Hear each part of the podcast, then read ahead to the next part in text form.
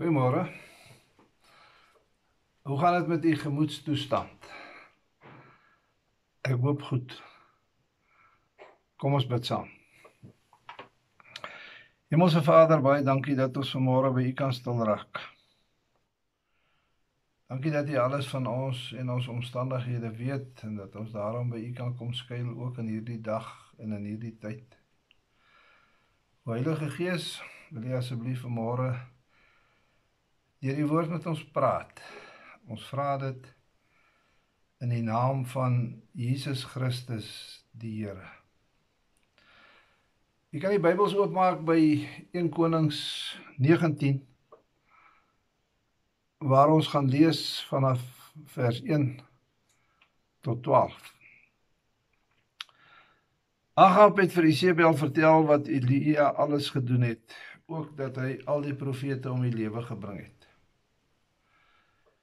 Toe het Isebel 'n boodskapper na Elia toe gestuur om vir hom te sê: Mag die Gode my om die lewe bring as ek nie môre teen hierdie tyd met jou gemaak het soos wat soos jy met die profete nie.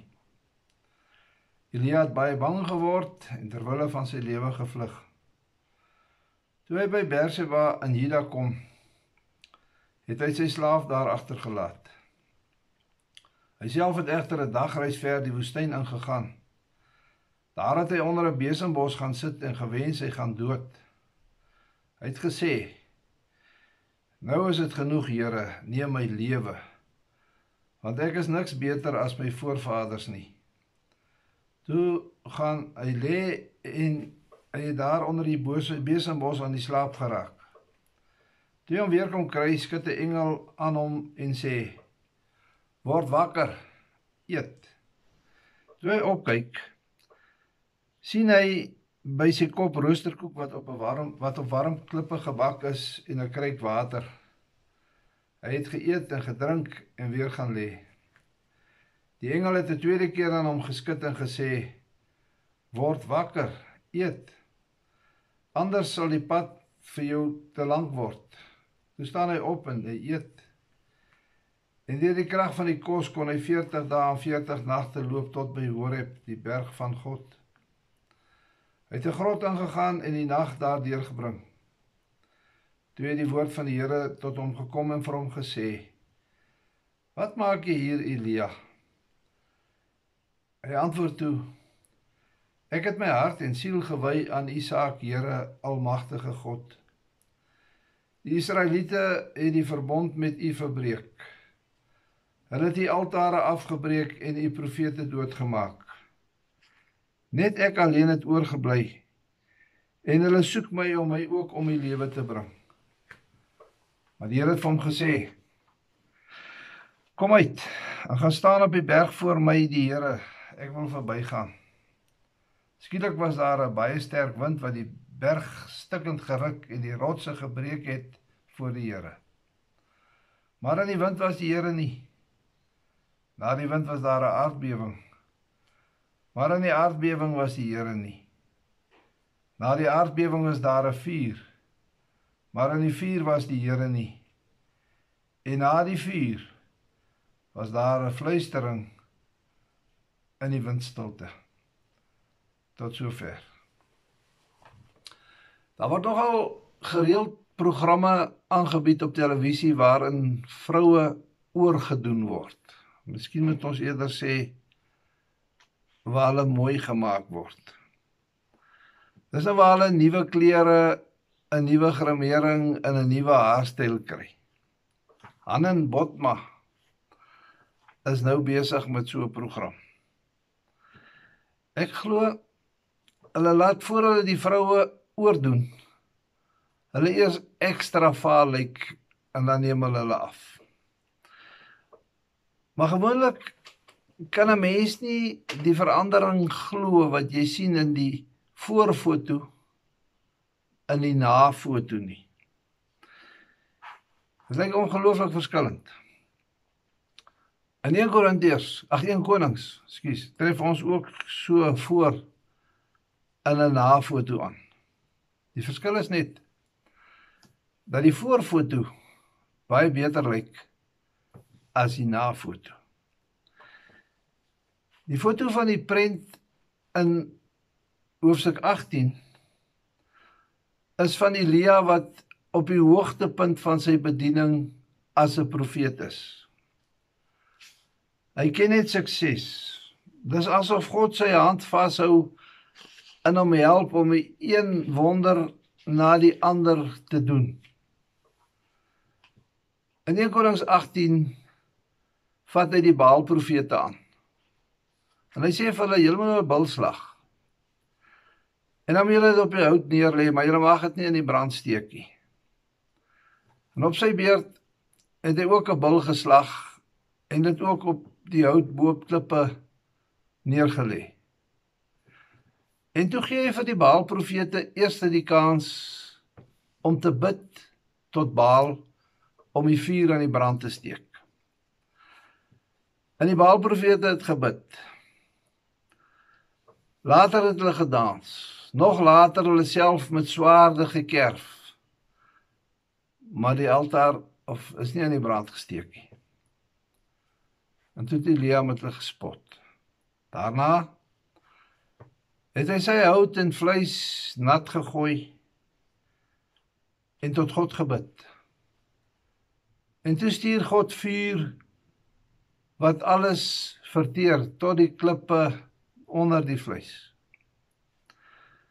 Daarna as oorwinnaar laat Elia 450 Baal profete doodmaak. Sy offer en sy klippe wat hy waarop hy dit gepak het, is verteer. Hy was triomferend.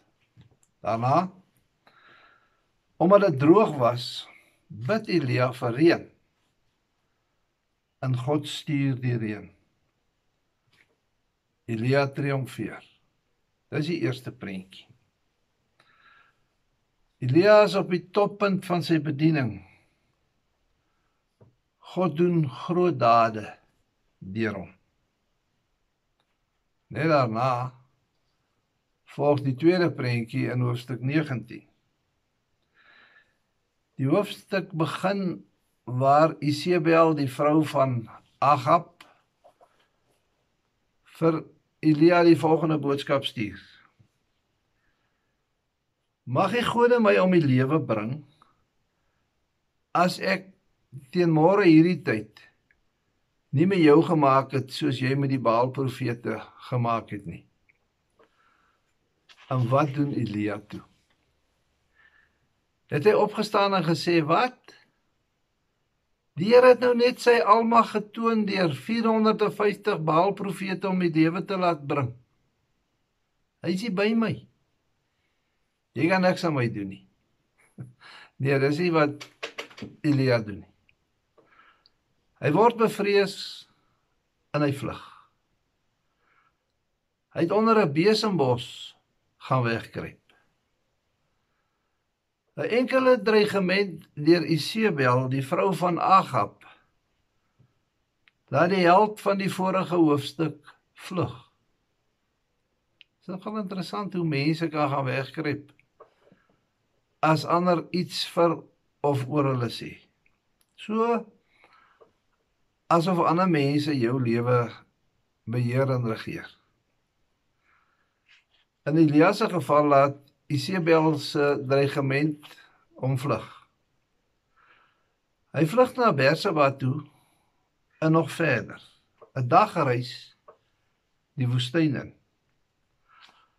Hy gaan na 'n plek van verlatenheid, eensaamheid en dood. Al wat oorgebly het van die sukses van vroeër is 'n moederlose sug om eerder te sterf. Hy het gesê: Nou is dit genoeg, Here. Neem my lewe, want ek is niks beter as my voorvaders nie. Hoe kan dit gebeur dat 'n mens se lewe so skielik kan verander? Dat dinge so skielik kan verkeerd loop?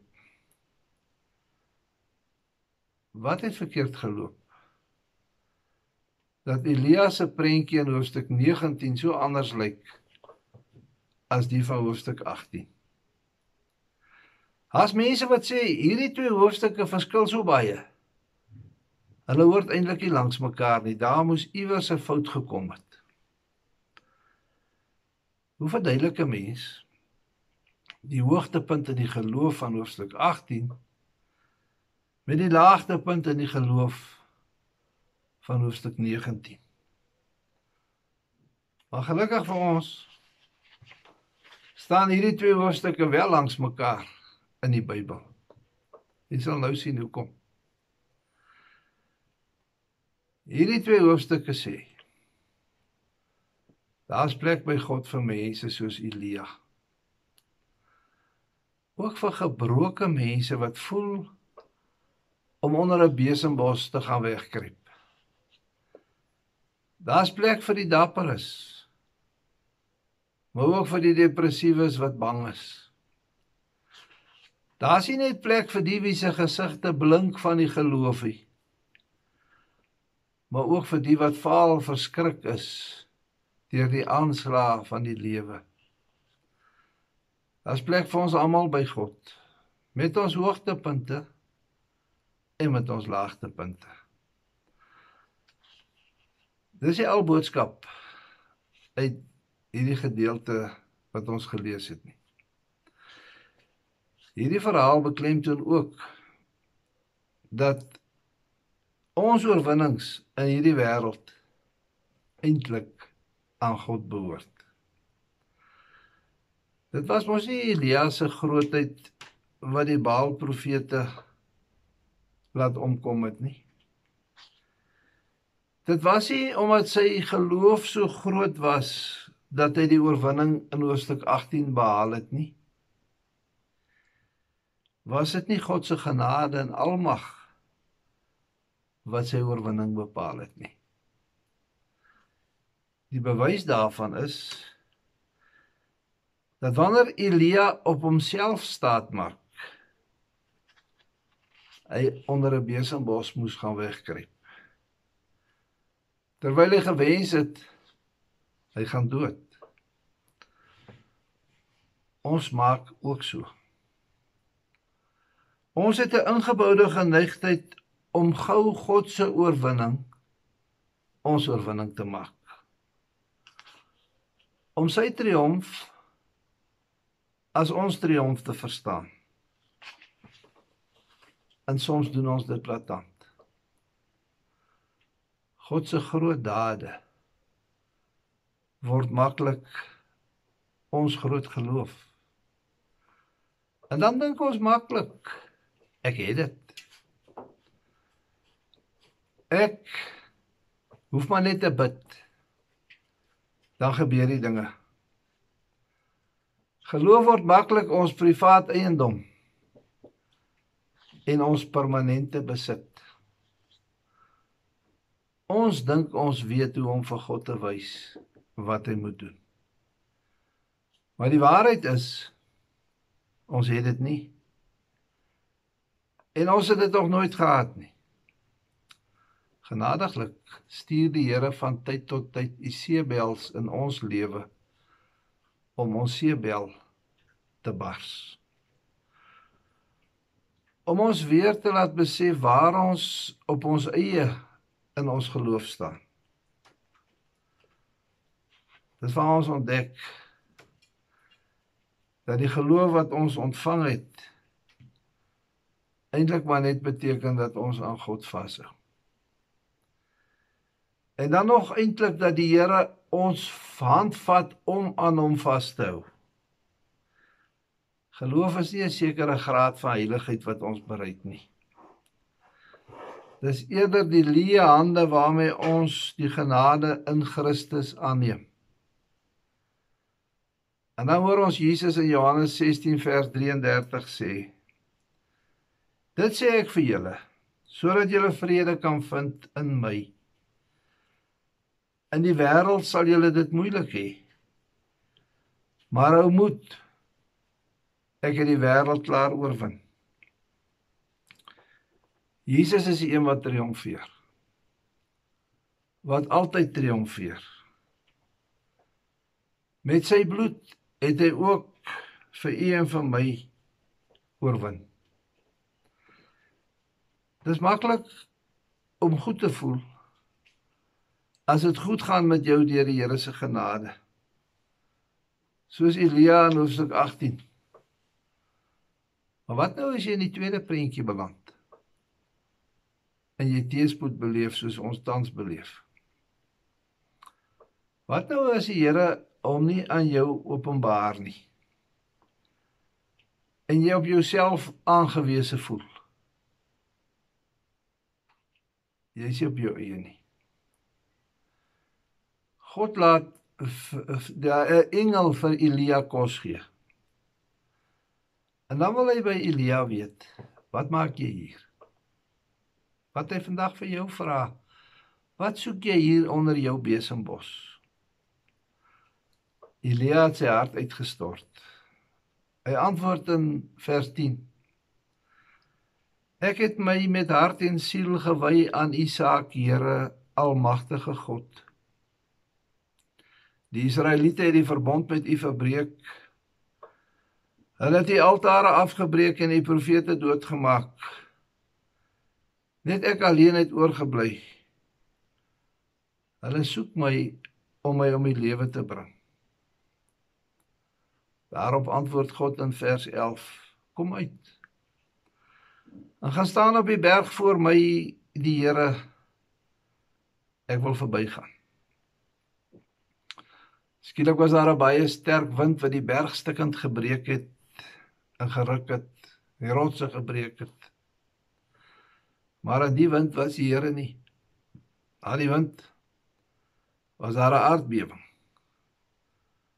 Maar in die aardbewing was die Here nie. Na die aardbewing was daar 'n vuur. Maar in die vuur was die Here nie. Nie in een van die ewige gebeure praat God op daardie stadium met Elia nie. En dan lees ons en na die vuur was daar 'n fluistering in die windstilte. So praat God meermale in die Bybel. Nie altyd met opspraakwekkende en ontzagwekkende gebeure nie. Maar deur sy seun wat aan 'n kruis hang en daar sterf vir 'n mensdom. En sy seun wat sonder 'n groot vanvare na 3 dae opstaan uit die dood en die dood oorwin het. Die onsigbare God wys juis in hoofstuk 19. Hy werk nie altyd in groot gebeure nie. Maar ook in die onsigbare, soos in die fluistering van 'n wind. As jy dalk soos Elia op hierdie stadium plat gestaan, geslaan en lê jy onder 'n besembos en wegkruip. Wie weet? Dalk moet jy net jou ore oopmaak vir die fluistering in die wind. Wanneer dit voel asof jy die enigste een is wat nog oor is, wat nog waardes het en vir die Here leef. In Elias se tyd was daar nog 7000 wat nie die knie voor Baal gebuig het nie. Vandag is daar baie meer. Wanneer dit voel of dit die einde is, moet jy weet dis maar net die begin. God se begin. Want die triomf hang nie van jou af nie. Amen. Kom ons bid. Hemelse Vader, dankie vir al die goed voel daar. Maar dat ons ook kan weet is by ons wanneer ons soos Elia onder 'n besembos wil wegkruip. Help ons om u werk in ons lewe raak te sien in die groot dinge. Maar ook in die fluistering van die wind. O Heilige Gees, Help ons om net aan die Here vas te hou ook in tye van die wêreld soos ons dit vandag beleef. Ons vra dit in die naam van Jesus Christus die Here. Amen. Jy moet 'n mooi dag hê.